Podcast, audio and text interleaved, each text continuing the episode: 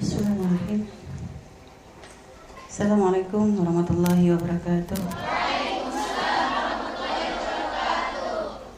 Baik, nah kita lanjutkan kembali pelajaran kita masih berada di bab tentang hukukuz zauj.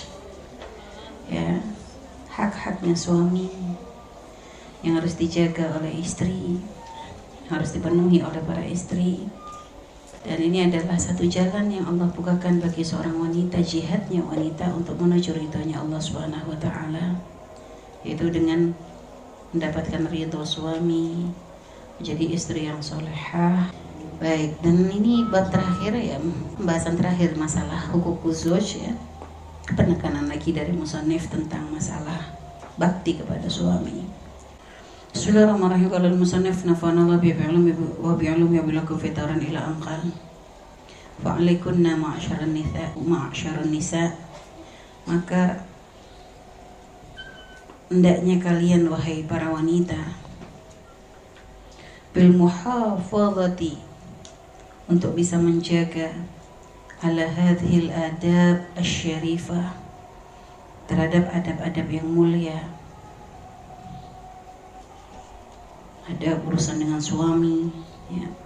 Wala takfulna dan janganlah kamu lalai kalian lalai.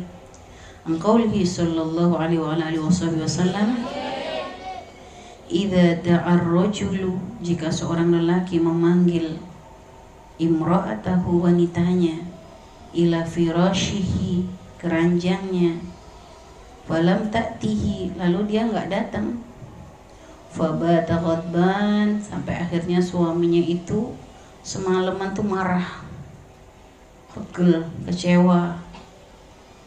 Ghadban alaiha marah kepada istri itu kecewa. La'anat hal malaikatu maka dia akan dilaknat oleh malaikat hatta tusbihu sampai pagi. Jadi si istri yang menolak ajakan suami akan dilaknat oleh malaikat jadi marahnya suami mendatangkan marahnya Allah. Marahnya malaikat. Malaikat marah ya Allah murka. Rawahul Bukhari wa Muslim. Walazimna ta'ah. Maka lazimna ta'ah. Selalu wajibkan bagi dirimu itu untuk taat azwajikunna falazimna ta'at azwajikunna maka lazimkan selalu untuk bisa taat kepada suami-suami kalian. Watawasaina dan salinglah kalian untuk memberikan nasihat. Fima bainakunna sesama kalian. Kalau lagi kumpul-kumpul wanita sama wanita, saling menasehati bil haqqi dengan nasihat yang benar ya. Ya, fima bainakun bil haqqi wasabri dengan benar dan juga ngajarin semuanya untuk sabar. Jangan ngomporin. Kadang wanita curhat sama wanita bukan cari solusi bukan dapat solusi malah manas-manasin gak boleh. Artinya kalau lagi dalam kumpulan wanita ya ajari semuanya untuk baik dengan suami.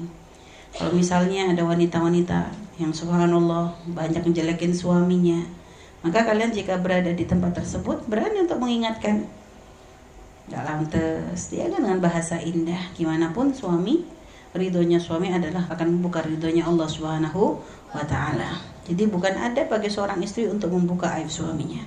Karena ketika ada seorang istri membuka aib suaminya, maka dia telah membuka aibnya sendiri. Aibnya sendiri dibuka. Jadi nggak sepantasnya. Dan kalau kalian nggak bisa menasehati, jika duduk bersama dalam kumpulan yang seperti itu, maka kalian pergi karena itu nanti akan terpengaruh, akan berpengaruh. Yang awalnya mungkin kalian jadi istri yang taat, gara-gara sering kumpul sama istri-istri yang gak benar, kalian pun akan ke bawah. Almaru ala dini khalilih, seorang itu akan ngikutin agama temannya. Maka berusahalah kita ini untuk untuk bisa uh, masuk dalam perkumpulan-perkumpulan mulia, perkumpulan yang akan selalu menjadikan kita tuh sejuk hati, sehingga ketika menghadapi permasalahan sebesar apa pun, kita bisa menyelesaikannya dengan cara yang diridhoi oleh Allah Subhanahu wa taala. Wa iyyakunna ya, wa iyyakunna wal khuruj dan eh hati-hati nih para wanita, iyyakunna wal khuruj hati-hati para wanita jangan keluar. Anto zauj jangan sampai kamu tuh keluar dari ketaatan kepada suami. Dan jangan sampai melanggar hal itu. Faqat rawal khatib fi tarikhi fi tarikhihi ya annahu sallallahu alaihi wasallam beliau bersabda ayyu mamra'atin kharajat min baitiha. Siapa pun wanita ya ayyu mamra'atin jika ada seorang wanita kharajat min baitiha yang keluar dari rumahnya bighairi idni zawjiha dengan tanpa izin suaminya kanat maka sungguh fi sukhtillahi ta'ala dia berada dalam murka Allah Subhanahu wa taala hatta tarji'a ila baitiha sampai dia kembali ke rumahnya ayyardiya anha atau suaminya tuh ridho kepadanya jadi kalau ada seorang wanita keluar tanpa izin, suaminya marah ya. Maka ketika keluar ya tanpa izin suami suami udah ngomong jangan keluar, masih keluar, maka dia berada dalam murka Allah. Dan tidak akan hilang murka Allah sampai dia kembali ke rumahnya dan akan sampai suaminya pun ridho kepadanya. Memaafkan kesalahannya, ya. Wal tahdharil mar'ah dan hati-hatilah para wanita min an tatluba talaqan. Jadi jangan sampai para wanita itu meminta cerai min zaujiha dari suaminya bighairi udrin tanpa udur. Ini karena ada gampang wanita itu punya karakter selalu ada masalah dikit emosi kadang langsung mikirnya cerai apalagi jika wanita tersebut wanita yang punya kemampuan, artinya punya kelebihan. Jadi kadang kelebihan wanita itu bisa menjadi fitnah. Ada wanita yang lebih urusan hartanya, bisa saja dengan hartanya dia merendahkan suaminya. La'alla ghinaha yudriha itu Nabi mengasih tahu, mengingetin. Kadang kekayaan wanita tuh menjadikan mereka itu kayak lupa diri. Sehingga menjadikan hubungan sikap dengan suami itu melonjak, ngerasa kalau dia punya power ini bahaya. Jika biasanya wanita yang memang punya kekuatan dari sisi ekonomi, ini seringnya ya. Seringnya karena dia ngerasa tanpa suaminya pun dia bisa hidup. Jika kadang di saat ada masalah dengan suami, solusi yang paling cepat dipilih oleh dia tuh cerai. Ya, karena ngerasa, oh, saya nggak merasa butuh.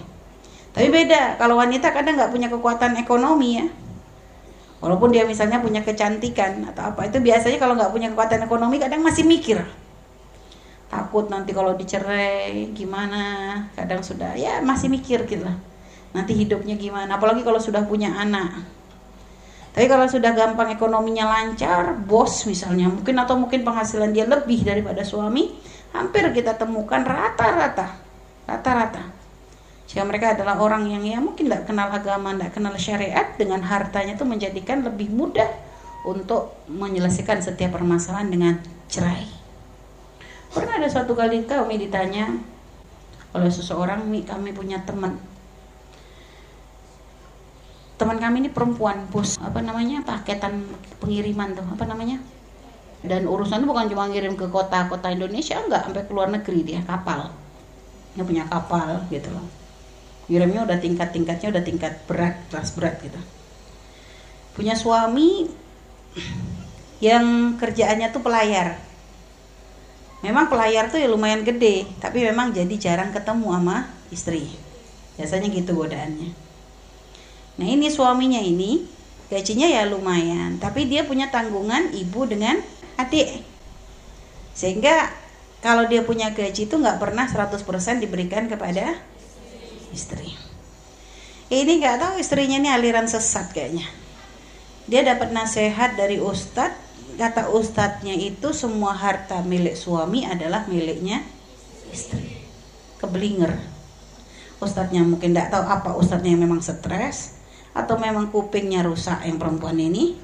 Atau gimana? Kok bisa? Jadi harta suami milik istri seluruhnya. Sehingga dia merasa ketika suaminya memberikan harta tersebut kepada keluarganya, wah dia merasa benar-benar nih sesuatu yang pelanggaran banget. Sehingga karena pegel dia ya padahal dia mampu dia mampu. Ya cuma begitulah perempuan kalau sudah ini ya toma itu dikumpulin begitu sudah kaya harusnya kan dia mikir untuk bantu juga. Enggak akhirnya dia nuntut gaji suaminya tuh nggak boleh diberikan kepada ibu dengan adik. Sehingga gampang banget tak kasih penjelasan tidak begitu caranya. Cuma ya begitulah kalau sudah ada ego. Sebenarnya sih kalau kata kita lebih ya karena kesombongan itu. Ada kesombongan merasa oh, saya ini jadi gini loh perempuan tuh gimana? Karena memang perempuan tuh kan bagusnya kan sebenarnya posisi wanita tuh di ya. Diberi nafkah disayang diperhatiin gitu ya. Wanita tuh memang dengan karakter itu. Karakter di itu main nempel. Secara psikologi memang seperti itu. Ingat omongannya Bunda Titi rahimahullah ya. Ada Bunda Titi itu ada istrinya Dokter Ricardi.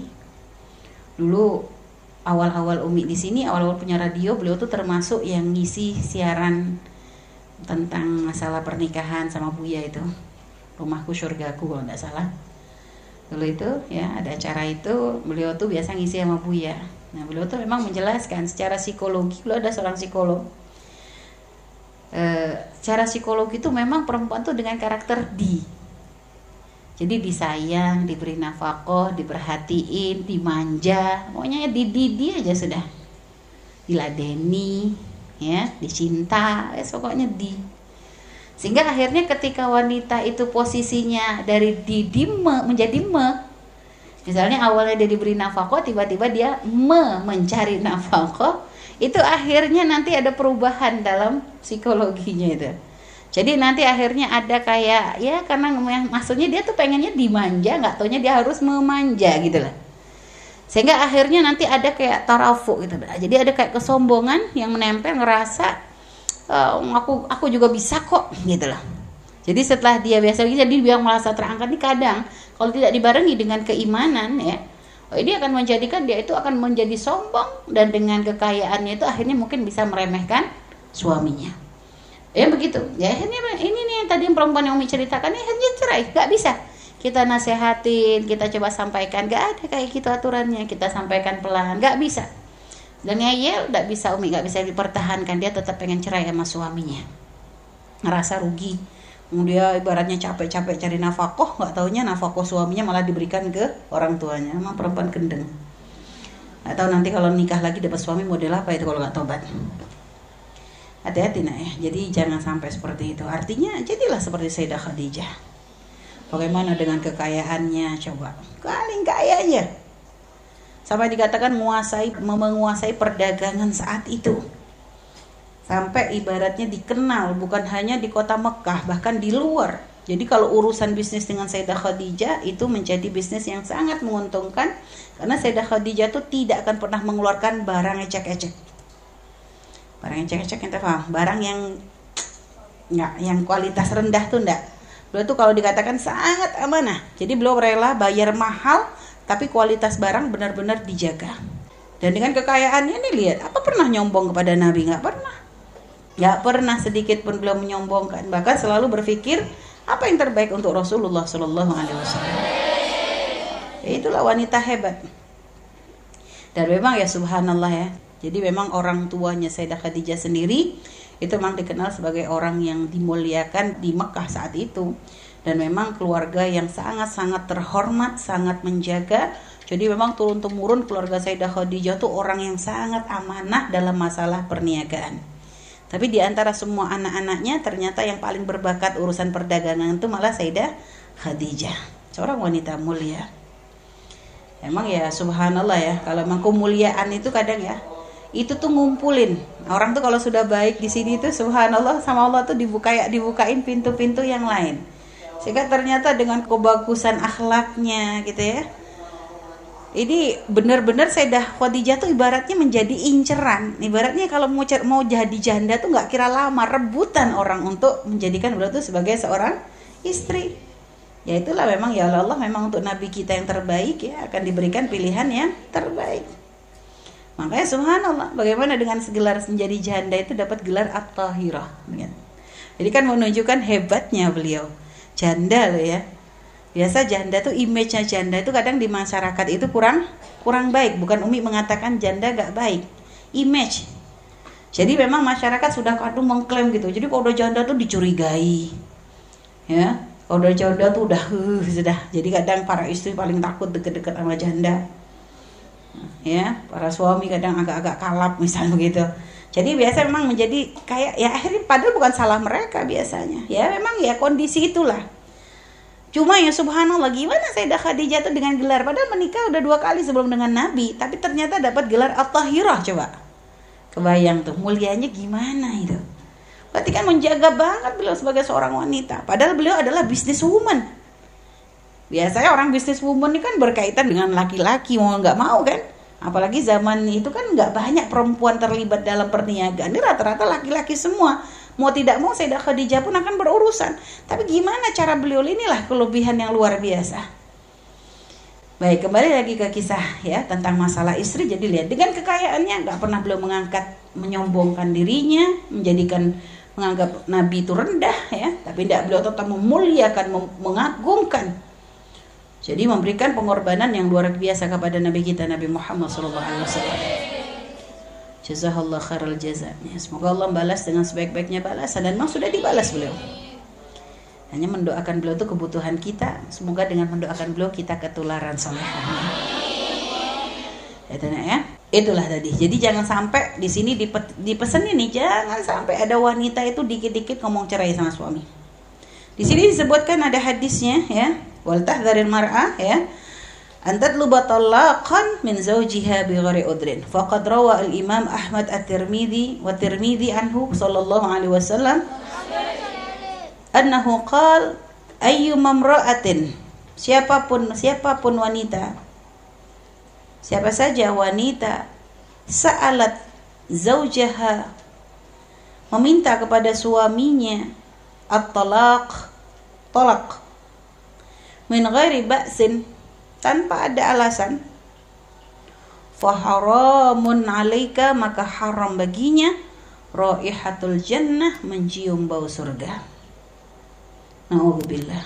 Jatuh berat nak. Gak main-main. Makanya perempuan ya subhanallah ini termasuk syariat menjaga wanita ini dengan menjadikan hak cerai bukan berada di tangan istri. Nah kalau sampai hak cerai di tangan istri, wah ini bakalan dikit-dikit tiap emosi ceraikan saja aku. Oh itu itu gak jangan ente mungkin nggak kebayang ente yang belum menikah mungkin ente nggak kebayang tapi kalau ketika sudah menikah ini setannya memang banyak loh nak. Sehingga kadang benar memang ketika terjadi perselisihan antara suami istri kayaknya tuh solusi yang paling kita pilih waktu itu cerai. Padahal pun sebenarnya kalau cerai pun ya mikir juga cuma kayaknya waktu itu emosi jadi kontrol diri itu memang kadang kurang di situ. Makanya ini kita wanti-wanti nih semoga jadi bekal kalian tuh jaga. Supaya kalian nanti kalau sudah menikah nggak gampang-gampang ngomong seperti ini. Jadi jangan berpikir kayaknya solusi ternyata cerai. Ya bakalan jangan dianggap cerai itu kayak solusi terenak gitu loh nah nggak ada. Jadi makanya subhanallah hak cerai di tangan suami syariat jaga tapi ada suami yang kadang suka dikit-dikit ngomong cerai. Ya itu bukan itu laki-laki yang nggak dibahas syariat itu maksudnya. Bukan model begitu. Laki-laki yang di dalam syariat yang diajarkan yang di apa dimasukkan dalam gambaran uh, yang yang ya kan gini loh. Syariat kan nggak membahas satu per setiap sikap orang satu. Umumnya laki-laki itu kontrol emosinya lebih.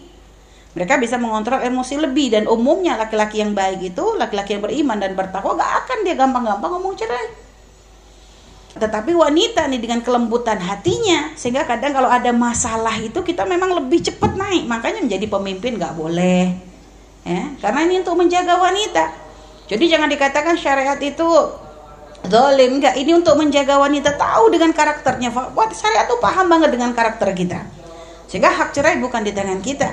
Dan bahkan kalau ada seorang wanita ingin bercerai dengan suaminya pun tidak langsung serta merta dia yang meminta cerai akan tapi nanti melalui mah mahkamah. Kenapa? Karena mahkamah nanti sebagai satu wadah yang akan melindungi wanita dari kedoliman suami. Karena bisa saja suami istri-istri kalau nanti langsung ngomong ke suaminya, ya bisa aja suaminya langsung emosi langsung main gepuk kan begitu nah makanya jadi dipakai mahkamah kenapa mahkamah nanti punya tugas untuk melindungi masalah mahkamah bertugas untuk menjaga ya inilah tujuannya. Makanya syariat tuh benar-benar dipandang tuh secara dari A sampai Z gitu loh. Ibaratnya tuh benar-benar dijaga kita tuh benar-benar dalam penjagaan yang luar biasa. Agar tidak ada zalim karena ya namanya kalau lagi orang ngomong cerai itu kan nggak akan ngomong cerai itu lagi mesra-mesra. Nggak bakalan. Cerai itu akan terucap kapan? Di saat emosi dengan emosi. Sehingga kalau seandainya misalnya seorang istri begitu gampang dia ngomong cerai ya nanti suami bisa main kebuk aja.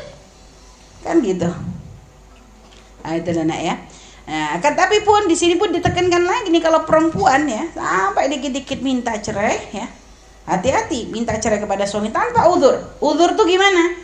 Ya pokoknya sesuatu yang membawa mudarat. Misalnya udur karena suami adalah termasuk udur tuh suami yang melanggar syariat Allah.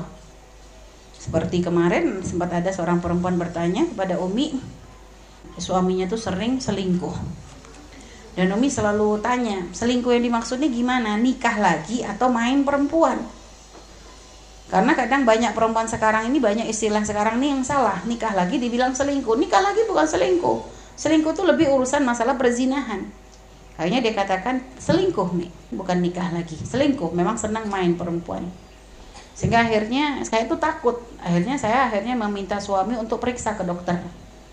Ya, untuk periksa ke dokter untuk ngecek kesehatannya karena dia sering bermain dengan perempuan yang gak benar. Saya takut dia terjangkit penyakit. Ternyata suami gak mau kalau saya minta cerai gimana? Wah, malah bukan bukan jangan-jangannya gimana? Bagus. Ngapain urusan sama laki-laki model begitu naudzubillah? Gimana bisa hidup dengan seorang pezina naudzubillah? Dan kita tanya juga, kamu dari tahu dari mana kalau dia selingkuh? Ya memang buktinya ya ada mungkin dari chattingnya, apanya ya mungkin sampai suaminya pun akhirnya ngakuin, ada ikrar. Kalau masih chat sih bisa aja mungkin itu penipuan bisa aja. Tapi kalau ini dari bukan ngakuan suaminya mengaku, ya sudah kalau begitu nggak ada bagusnya bertahan. Cerai. Nah ini boleh. Atau suami yang kadang main keras main pukul gitu ya. Ini. Jadi kalau begitu nggak masalah boleh minta cerai. Bahkan harus untuk menjaga keselamatan jiwa. Jangan juga jadi perempuan goblok ada suaminya dolim ya. Pernah nak Umi di Karangjalak itu didatangi oleh seorang istri? Waktu itu masih Karangjalak dia nggak ada buya. Ya nggak ada buya ya ngadu. Saya udah 20 tahun buya menikah. 20 tahun menikah dan suaminya tuh dolim banget. Dari awal nikah itu udah sering main kasar. Sampai ya ibaratnya kalau masalah mukul itu udah jadi makanan sehari-hari. Bahkan sampai bukan mukul bu ya kadang kalau lagi emosi banget saya tuh malah pernah disetrika. Ya saya tuh mau minta cerai tapi saya mikir anak. Ternyata apa? Waktu itu kan bawa anaknya. Dia punya anak satu perempuan. Usianya ya 20 tahun berarti sekitar 18 19 begitu. Akhirnya kita tanya ke anaknya. Apa? Ditanyanya terpisah. Nggak gabung sama ibunya. Gimana anaknya? Kalau seandainya ibu cerai gimana? Bu ya saya tuh benar-benar melihat sikap bapak saya ke ibu tuh saya benci banget sama bapak tapi saya tuh ngelihat ibu saya kok diem aja diperlakukan begitu saya juga kok jadinya malah benci dengan ibu saya di hati saya tuh saya kok ibu tuh goblok banget gitu mungkin kalau dia bisa ngomong tuh ibu tuh kok bodoh banget gitu kenapa ibu tuh masih mau bertahan jadi lihat, jadi sebenarnya alasan kadang perempuan nggak tahu ini yang dikejar sampai Buya tuh bingung sama perempuan nih. Ditanya, kamu tuh kenapa kok bertahan dengan sampai 20 tahun dapat suami yang dolim? Sampai dilihat tuh bekas-bekasnya tuh Masya Allah. Itu sampai benar-benar disiksa. Sampai kok bisa bertahan? Apa mungkin ada karena urusan nafkah? Buya nyari nafkah saya. Astagfirullah kata kita tadi. Ya nyari surga sih nyari surga, tapi kalau kebablasan ya ya akhirnya nggak dapat semalam ya akhirnya kan dolim terus dipiara di rumahnya ya anak juga nggak bisa dididik gimana anak bisa didik dia nggak bisa mendidik dan mungkin akhirnya anaknya adalah yang muncul di hati anak tuh trauma dan bisa saja akhirnya nanti anak ketika menikah bisa saja dia balas dendam. Balas dendamnya gimana? Dia akan cari suami yang mungkin bisa dikuasai kan begitu? Habib Abdullah pernah bilang ke Umi ya Habib Abdullah kadang karakter istri yang kadang suka melawan itu biasanya tidak terlepas dari dari rumah tangga dari orang tuanya yang mungkin rumah tetangganya tuh gak indah. Mungkin ngeliat ibu itu dolimi sehingga kadang muncul di hatinya aku nanti gak boleh seperti ibu. Sehingga giliran sudah menikah dia membuat apa kayak pokoknya dia tuh jadi kayak perempuan yang ini gitu ya sampai akhirnya suaminya tuh jadi takut sama istri gitu ya. Ayo bisa sampai seperti itu. Naudzubillah kayak makanya subhanallah nah ya? Ini makanya ya kan? Itu udur udur syari itu begitu. Yang udur yang dibolehkan menyangkut masalah jiwa, ya keselamatan jiwa, mencangkut tentang masalah berlanggaran syariat yang nggak bisa ditolerir dan nggak bisa lagi diperbaiki misalnya. Kalau masih mungkin diperbaiki ya usaha dulu, jihadnya di situ. Seandainya misalnya ada seorang suami gak sholat, apa boleh seorang istri mencerai? Sekarang kamu udah apa yang sudah kamu lakukan ketika tahu suamimu gak sholat itu? Dakwahmu gimana? Ya pokoknya suami saya nggak sholat saya ajak nggak anu langsung saya cerai. Oh nggak gitu. Kalau misal ada seorang wanita ya ketika menemukan suaminya misalnya melanggar syariat, nggak sholat dan sebagainya, maka harus ada mujah jihadnya dulu dong.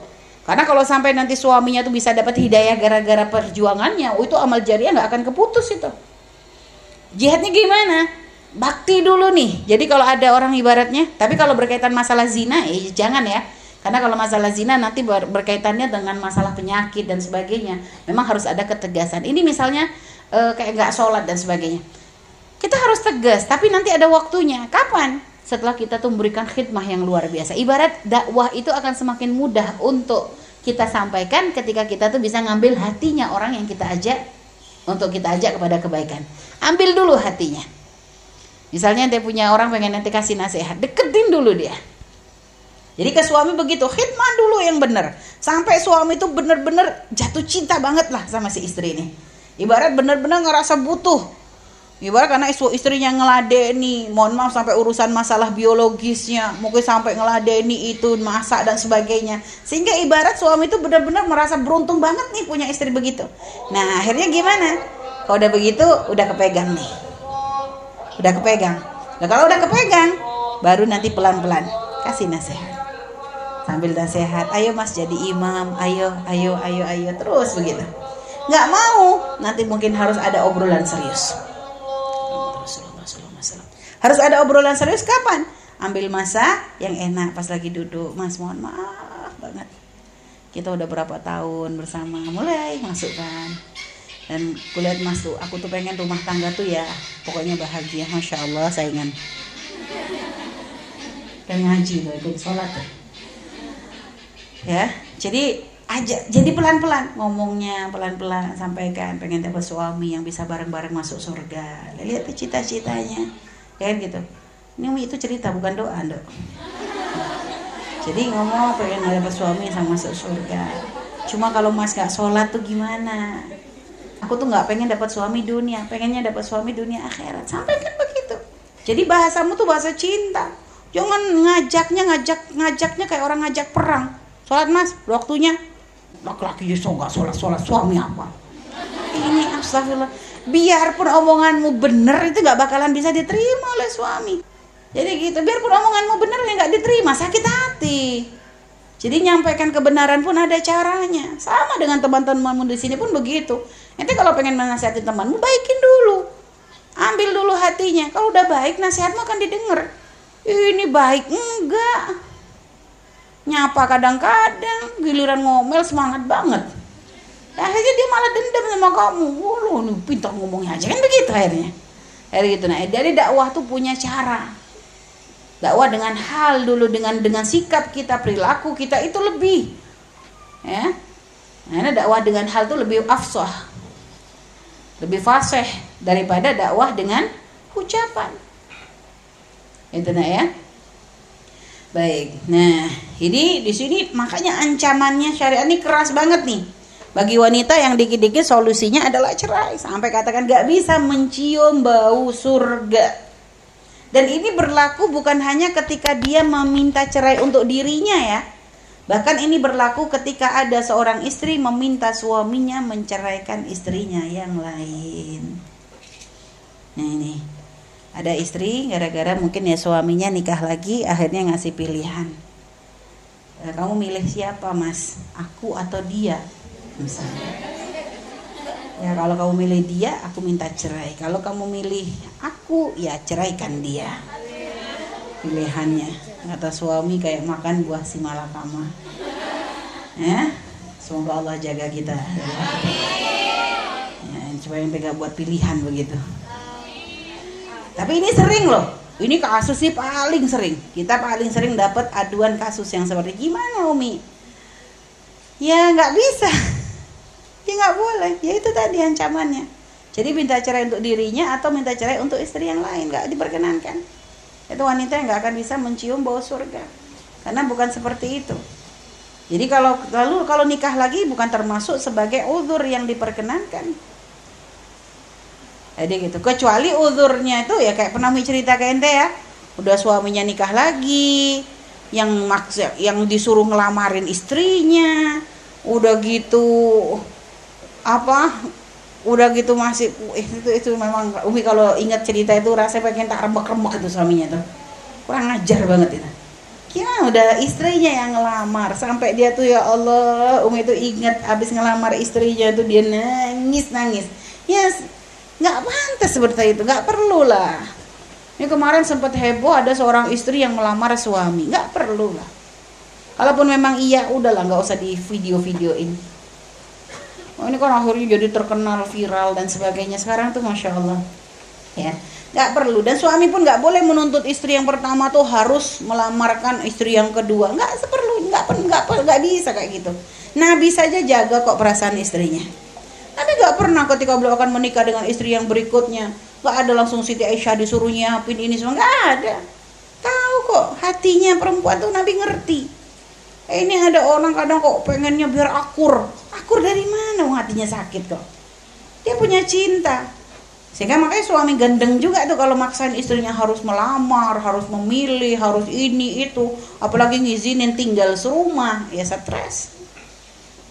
Stres ini nggak diperkenankan dalam syariat nggak bisa begitu. Nah ini. Nah tapi ya jadi kalau memang ada dolim karena nikah suaminya nikah lagi sampai dolim misalnya kepada istri yang pertama dan memang sangat terasa dolimnya bukan karena memang ya karena bentuk cemburunya jadi ngerasa didolimi enggak dolimnya memang benar-benar dolim maka itu boleh nanti minta cerai. Tapi kalau hanya sekedar nikah lagi dan suami masih adil suami nggak dolim ya artinya ya tetap tidak diperkenankan. Tapi berat Umi. Ya memang berat. Surga kan mahal tapi semoga kita nggak diuji dengan hal yang seperti itu ya. Pengennya rumah tangganya bahagia langgeng sakinah mawadah warohmah dan ente kalau sudah menikah jangan banyak bahas omongan begini. Jangan mancing-mancing ngomong sama suami mas uh, nanya ya tapi ya nanya aja. Ini apa? Kira-kira mas tuh pengen poligami nggak sih? Nah, itu kan. Ini istri mancing ini. Dia nyari penyakit giliran nanti suami jawab iya dek kepengen. Pasti marah. Oh jadi gitu ya mas ya? Kalau bilang enggak yang bener ah kan begitu kan perempuan tuh emang kadang susah ditebak. Dibilang enggak dia nggak percaya. Dibilang iya dia ngamuk. Stres ini. Jadi nggak perlu ngomongin begitu nak. Kalau sama suami tuh ngomong yang mesra-mesra aja lah. Nanti kita pengen anak-anak ke mana ya mas cita-citanya nanti pengen ke surga bareng apa gitu loh nak jadi itu obrolan indah, jangan bahas. Jangan nyinggung ada perempuan, walaupun bisa perempuan depan rumah, mas, depan rumah tuh janda loh. Ngapain kamu bahas? Gak ada perlunya. Itu lah nak. Karena akhirnya mungkin yang nggak kepikiran jadi mikir. Gara-gara kamu yang mancing. Biasa ada wanita-wanita yang kadang itulah kehabisan stok obrolan. Ya nggak punya obrolan yang menarik. Akhirnya obrolannya tuh nggak manfaat. Nah, ini. Makanya nggak perlu kalian seperti itu nak ya. Jadi obrolan yang bermanfaat dengan suami itu obrolan yang akan menambahkan rasa cinta menambahkan kemesraan kesenangan gitu ya. Jadi itu. Baik nak ya. Ini tentang masalah istri subhanallah ya. Ternyata berat banget ya jadi istri. Berat jadi istri. Memang ya harus kita memang tahu berat. Akan tetapi ternyata kalau kita mampu melewatinya bisa mendapatkan gelar istri solehah maka balasannya adalah syur surga. Nah ya, insya Allah semoga dengan ilmu bekal-bekal yang Umi sampaikan kepada kalian selama beberapa kali pertemuan bisa menjadi bekal kalian untuk bisa menjadi istri yang baik, istri yang. Ya, ingat hal-hal yang memang tidak diridhoi oleh Allah dan Allah tak pernah mensyariatkan sesuatu kecuali itu adalah untuk kemaslahatan kita. Untuk kemaslahatan kita. Dan kenapa kok kejem banget ya syariat nih kalau perempuan sampai minta cerai begitu nanti gak mencium bau surga. Karena sebenarnya syariat tuh pengen menjaga. Perceraian bukan sesuatu yang disenangi dalam syariat. Dan mudaratnya wanita ketika dia menjadi janda itu lebih gede.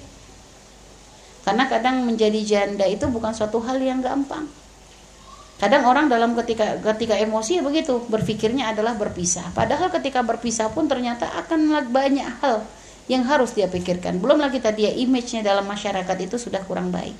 Juga kadang masyarakat memandang rendah. Mungkin laki-laki pun kadang memandang rendah, ah janda. Mohon maaf, mungkin karena pernah merasakan hubungan antara lelaki dan wanita. Sehingga menganggap kadang, ah ini wanita butuh belayan, wanita butuh perhatian. Sehingga kadang sudah mudah diremehkan. Belum lagi nanti kadang kalau namanya wanita kan nggak seperti laki-laki. Kalau laki-laki untuk menikah lagi masih gampang. Ibarat cerai sekarang besok nikah bisa kan begitu. Jangan kan nunggu besok. Habis itu habis cerai sama istrinya berikutnya langsung nikah langsung akad nikahnya langsung top. Setelah cerai langsung nikah lagi bisa kok. Laki-laki. Tapi kalau perempuan nggak begitu. Ada nanti masa iddah, masa penantian. Udah gitu pun karena posisi wanita itu di ya, dilamar. Ya umumnya kan begitu. Perempuan yang dilamar ya, diminta. Ya kan kadang menjadikan wanita nggak bisa langsung main comot kamu jadi suamiku ya. Kan nggak bisa begitu.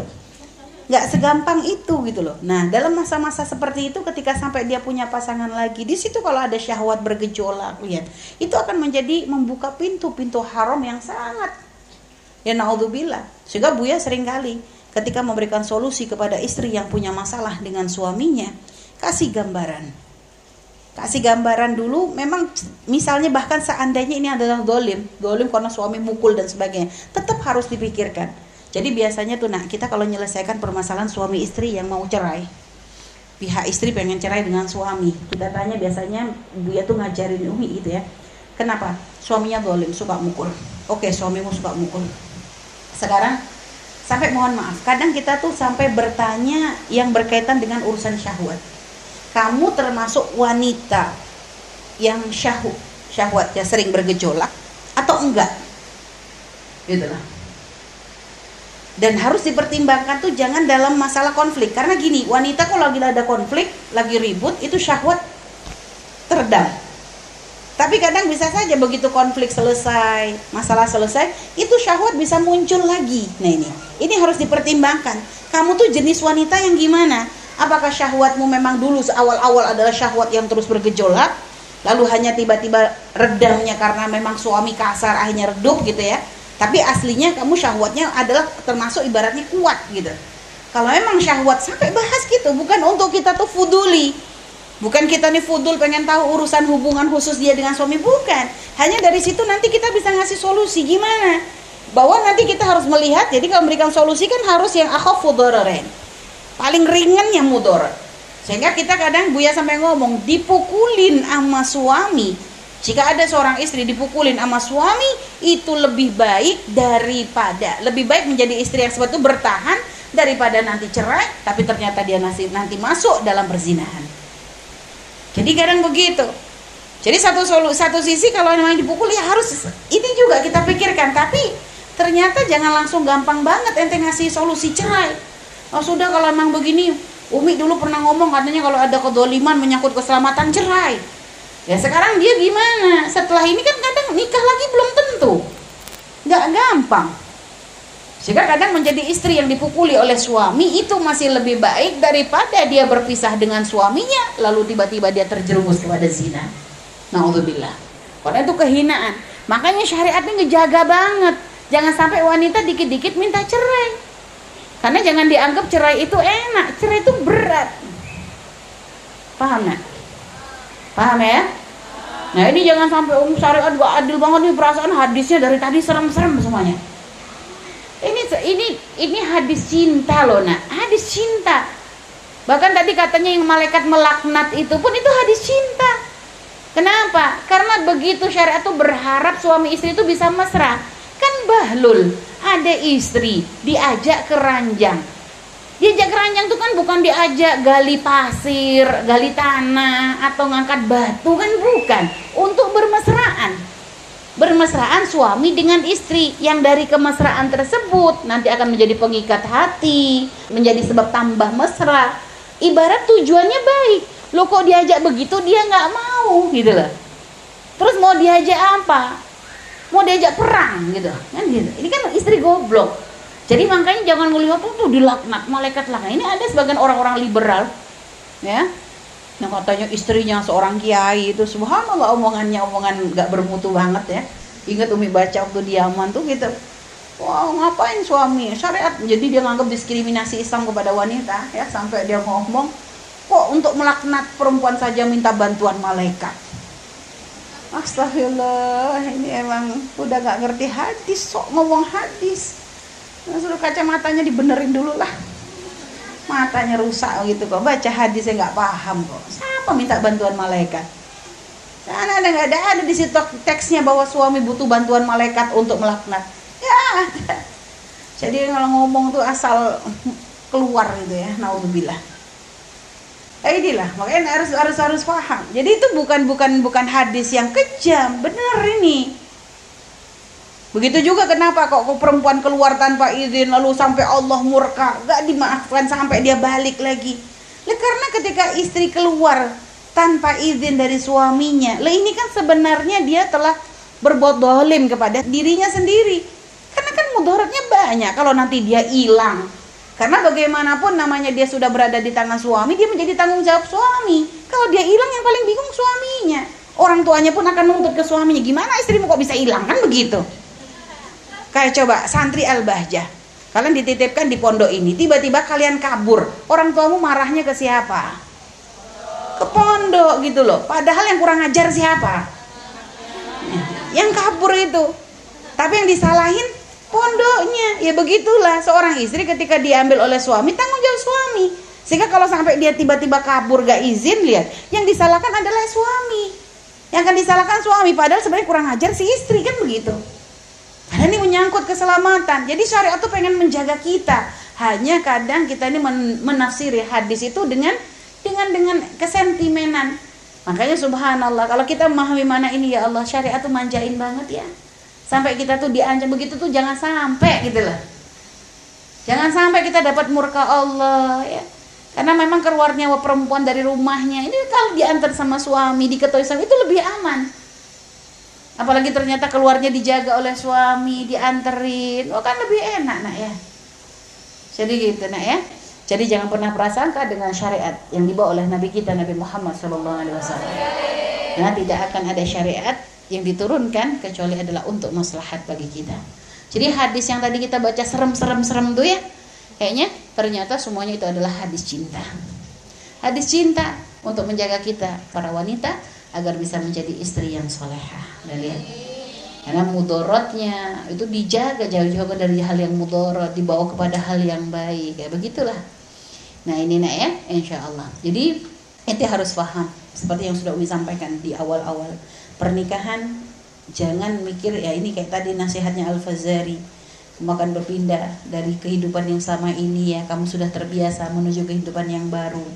Kamu akan tidur di ranjang yang kamu tuh nggak pernah tahu sebelumnya. Artinya kamu akan harus mulai beradaptasi mulai untuk bagaimana kamu mengenal suami dan sebagainya. Itu bukan hal yang gampang. Kita aja kadang temenan coba. Ente waktu pertama kali jadi santri di Al Baca berapa lama ente sampai bisa akrab sampai punya temen sampai bisa betah dan sebagainya? Coba butuh proses nggak? Butuh proses apalagi nih suami di mana nanti ente ada dituntut menjadi istri yang baik istri soleha istri begini begini begini. Berat. Kita harus melawan ego kita. Mungkin ente dulu di rumah adalah anak yang dimanja oleh ibumu ya. Megang panci nggak pernah. Kompor aja belum pernah tahu bentuknya misalnya misalnya dia tinggal di pojok gunung gitu misalnya ya. Jadi nggak tahunya punya suami eh ente ternyata harus belajar masak ente harus begini ngeladeni bahkan kadang mendahulukan memprioritaskan suami daripada diri kita sendiri subhanallah. Berat. Tentu yang namanya dalam pernikahan kita akan menemukan banyak permasalahan. Tapi ketahuilah permasalahan ada jangan sampai menjadi sebab hancurnya bahtera rumah tangga ya. Tapi jadikan permasalahan itu ya kayak ya ibarat kalau kalian naik kapal itu ya permasalahan tuh ombaknya. Tinggal sekarang bagaimana kamu jaga supaya kapalmu tuh nggak oleng. Jaga keseimbangannya ya. Jaga mungkin oh layarnya harus ke arah sini. Karena ombak itu ternyata pun nggak semuanya nggak semuanya menakutkan. Ternyata ombak pun ya kalau ombaknya enak bisa bisa di kalian tanggulangi ya. Ibarat kalian kayak main ayun-ayun kan begitu. Jadi sama dalam permasalahan pun begitu permasalahan pun nggak semuanya itu adalah nggak enak ternyata kadang setelah bermasalah itu bisa saja kalau ternyata bisa diselesaikan dengan baik ternyata menjadi sebab tambah masalahnya suami dan istri Kadang begitu, menjadi lebih kuat lagi dalam dalam mengarungi rumah tangga. Itu jadi permasalahan itu tidak selalu semuanya buruk. Asalkan ya, ketika kalian menghadapi permasalahan tidak dengan mengedepankan emosi kalian. Tidak dengan mengedepankan ego kalian, tapi semuanya berpikir maslahat untuk pasangannya. Kalau sudah seperti itu, insya Allah rumah tangga kalian akan dijaga, ya. Cuma karena kalian belum rumah tangga, ya. Ini nanti masa rumah tangga kalian jika kalian bisa berpikir seperti itu, insya Allah akan menjadi rumah tangga yang sakinah, mawadah, warahmah. Nah ya, paham banget ya? Baik ini saja, wallahu a'lam bishawab.